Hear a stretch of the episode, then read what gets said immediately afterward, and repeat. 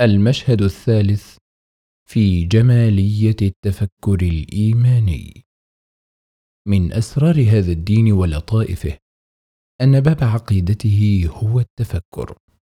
قال عز وجل في مخاطبة الكفار عبر رسوله الكريم قل إنما أعظكم بواحدة أن تقوموا لله مثنى وفرادى ثم تتفكروا. آية في غاية الجمال والسمو.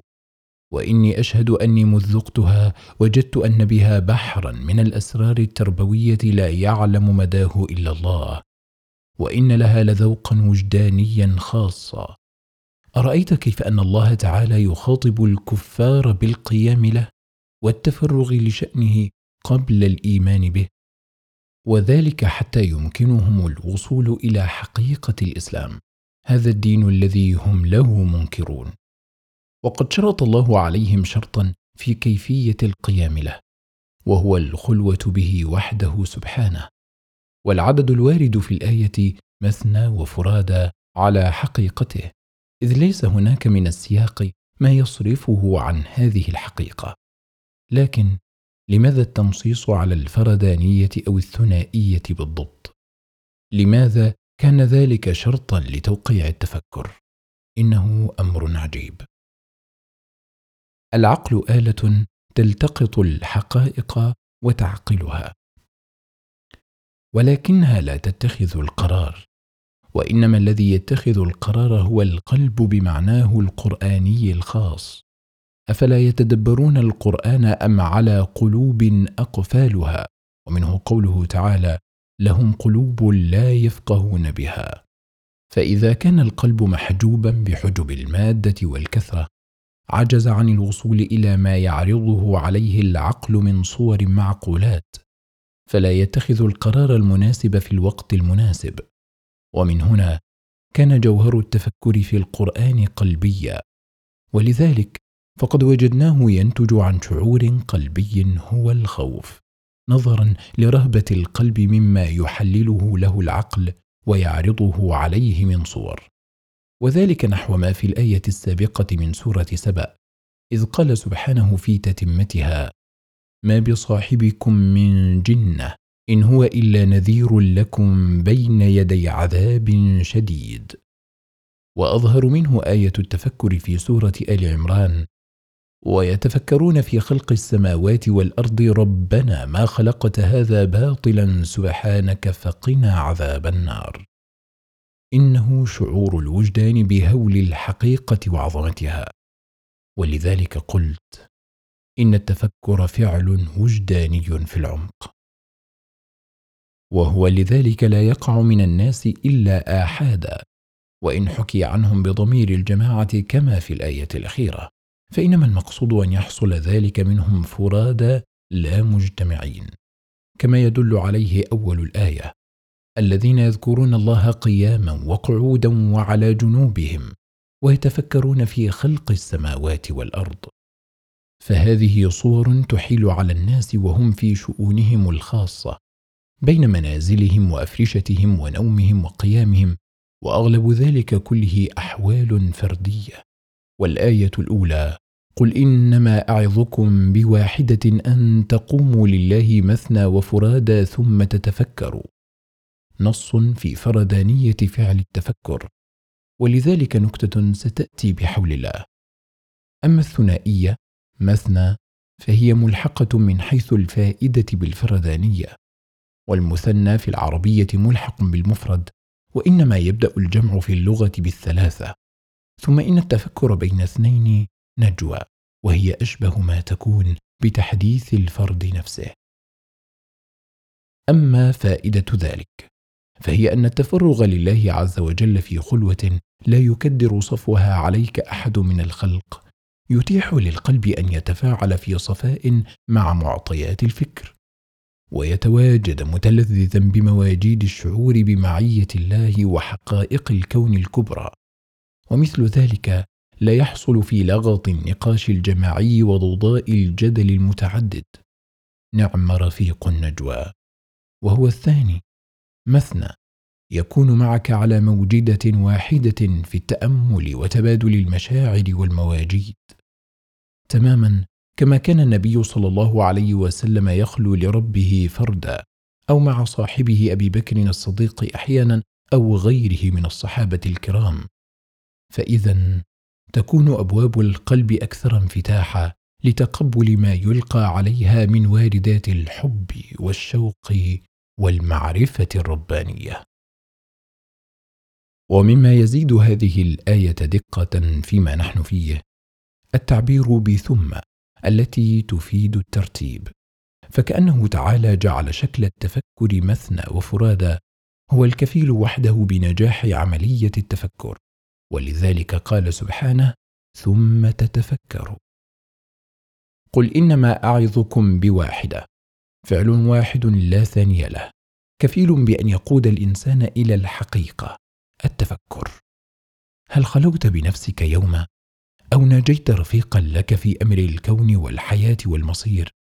عندما يمتد الفكر سائحا في اقاصي الكون يضل ويتيه وأن له أن يهتدي في دروب ومسالك ينتهي الخيال ولا تنتهي منافذها. اذا يرجع الفكر منكسرا عاجزا. وإن ذلك لعمري هو الإسلام. الخضوع للعظمة المطلقة فوق الزمان والمكان والاعتراف بالقصور عن الإحاطة ولا بأي طرف من أطرافها. ما ترى في خلق الرحمن من تفاوت فارجع البصر هل ترى من فطور. ثم ارجع البصر كرتين ينقلب إليك البصر خاسئا وهو حسير. الرجوع إلى الصف الآدمي للانضمام إلى سلك العادة الطبيعية. رجوع في العمق إلى مقام الخدمة والعبودية. موجدة ليست في حاجة حينئذ إلى الإفصاح والتعبير. لا إله إلا الله.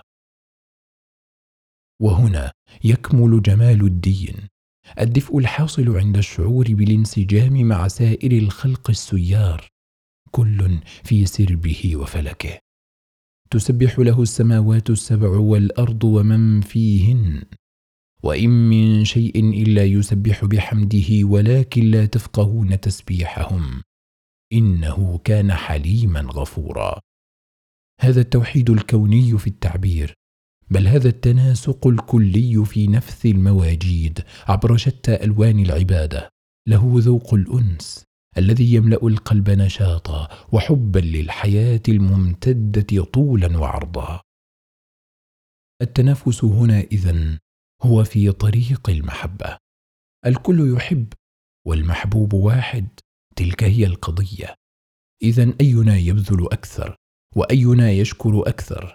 فهذا مجال الإفصاح عن مواجيد الذلة لملك القلوب ومالكها. وكلما كان الحب أصدق كان أكثر إذلالا لصاحبه ولكنها ذلة اللذة والمتعة العليا والشعور بالراحة في سبيل رضا المحبوب. وينطلق السباق وتلك لذة أخرى لها قصة أخرى. الله هذا المعنى العظيم الذي ننطلق منه لنقر أنه لا إله إلا هو. تدخل إلى ملكوته من باب التفكر بوجدان المحبة الكبرى. ولكن كيف؟ لطالما كنت أقرأ عن رواد الحب الإلهي فكنت أتعجب. كيف يجدون هذه الموجدة بهذا الشوق كله؟ فتفكرت دهرا. فإذا الباب ينفتح بمفتاح الربوبية. الله هذا السيد العظيم هو الخالق لكل شيء من الجلائل والدقائق. وما أنت أيها العبد في ملك الله العظيم الممتد بلا حدود إلا ذرة من البلايين التي لا يحصرها خيال من الذرات السائرة في متاهة الكون الفسيح. ألم يكن ممكنا في قدر الله وقدرته تعالى ألا نكون أصلا؟ إنها نعمة الخلق إذن. فأعظم بها من نعمة لا تحصى حمدا ولا تحاط شكرا. ولو عشت أعمار الخلائق جميعا حامدا وشاكرا. هل أتى على الإنسان حين من الدهر لم يكن شيئا مذكورا؟ لمسة الحياة هي النعمة الكبرى بعد الخلق. ألم يكن ممكنا أن تكون جمادا ثم إنها حياة الروح أكبر هبة إلهية للإنسان. تأملات تملأ القلب حيرة وعجبا أن يكون بين الناس في ظل هذه الحقائق الرهيبة كافرون. عجبا عجبا. ولا يملك المتفكر في آلاء الله ونعمائه العظمى إلا العجب. أن تتفكر في جمال الإحسان الرباني يعني أن تقع أسير أنواره وجلال كماله مؤمنا خاشعا متبتلا. ذلك هو سر المحبة. وهو المعراج السري لقافلة المحبين السائرين إلى منازل الحبيب. قال بديع الزمان النورسي رحمه الله. ما دام ذلك الحكيم المطلق سلطانا ذا جلال بشهادة جميع إجراءاته الحكيمة وبما يظهره من آثار جليلة وربا رحيما واسع الرحمة بما يبديه من آلاء وإحسانات وصانعا بديعا يحب صنعته كثيرا بما يعرضه من مصنوعات بديعة. وخالقا حكيما يريد إثارة إعجاب ذوي الشعور وجلب استحسانهم بما ينشره من تزيينات جميلة وصنائع رائعة. فإنه يفهم مما أبدعه من جمال يأخذ الألباب في خلق العالم. أنه يريد إعلام ذوي الشعور من مخلوقاته. ما المقصود من هذه التزيينات؟ ومن أين تأتي المخلوقات وإلى أين المصير؟ فهو اذا يعرف نفسه ويوددها بمخلوقاته غير المحدودة ذات الزينة والجمال ويوجب الشكر والحمد له بنعمه التي لا تحصى ذات اللذة والنفاسه ويشوق الخلق إلى العبادة نحو ربوبيته بعبودية تتسم بالحب والامتنان. والشكر إزاء هذه التربية والإعاشة العامة ذات الشفقة والحماية. انتهى قوله. فعلا إن الذي يشعر بالنعمه المسداة إليه يجد نفسه مطوقا بحقها في الشكر ولكنها نعمة أكبر بكثير من أن تحصى أو تحصر. فكيف تشكر إذن؟ هنا يمتلك القلب الشعور بالعجز والذلة والخضوع التام وتلك هي لا إله إلا الله. الله هذا الاسم الجميل كلمة تدل على الحياة العليا والنعمة الكبرى. منه سبحانه نستمد الكينونة والحياة وعطاؤه تعالى لا ينقطع أبدا ولا يحصى عددا. أن تملأ قلبك بمعرفة الله يعني أنك تملأه بالحياة.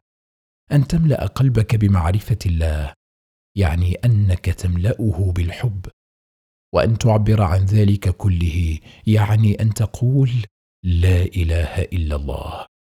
أي لا مرغوب ولا مرهوب إلا الله ولا محبوب إلا الله ولا يملك عليك مجامع القلب والوجدان إلا الله. هذا السيد الجميل والملك الجليل والرب العظيم الرحيم. إن العبد المسكون بحقيقة لا إله إلا الله لا يملك إلا أن يتدفق منجرفا إلى الله. تماما كما تتدفق الأنهار سارية وساربة إلى مالكها. فأن له إذن أن يتخلف إذا سمع داعي الله ينادي أن حي على الصلاة أو حي على الفلاح. طيوب الحب إن مست فؤادا جريح الوجد كان لها نشوب. وهل في العاشقين الغر غصن؟ يناديه الحبيب ولا يجيب. يتخلف. كيف؟ وهل مسلم؟ إنما هو ذلك العبد الذي يحمل جمرة الشوق إلى الله. يسبغ الوضوء على المكاره وينقل الخطى إلى المساجد يسري في الظلم ويسرب في الهجير متقلبا بين حر وقر ويجاهد في سبيل الله. ينثر روحه ازهارا على الثرى طمعا في رضا المحبوب الذي تعلقت به القلوب. والمسلم هو ذلك العبد الذي فاض قلبه بحب الله. فلا تجد من سلوكه إلا مسكا ولا ترى من خطوته إلا كياسة وفطنة. ولا يلقاك إلا بالكلمة الطيبة والسريرة الحسنة. الإسلام هذا الجمال الإلهي العالي. دين ليس كأي دين لكن لو كان له ذواق ذلك هو الإسلام دين المحبة وذلك هو المسلم السالك مدارج المحبين. وأن لمن خفق قلبه بلمسة الحب أن يكون شريرا الحب هو الشعور الفياض بالجمال. إذا خالط قلبا أحله جداول من الإيمان واليقين. وامرؤ كان ذلك شأنه لا يتصور فيه أن يؤذي احدا أبدا لأنه لا يملك من المواجيد في قلبه إلا الحب. وكل إناء يرشح بما فيه. إنه لا يملك إلا أن يملأ المكان بمواجيد المحبة. ورياحين الشوق في سيره الوجودي إلى الله.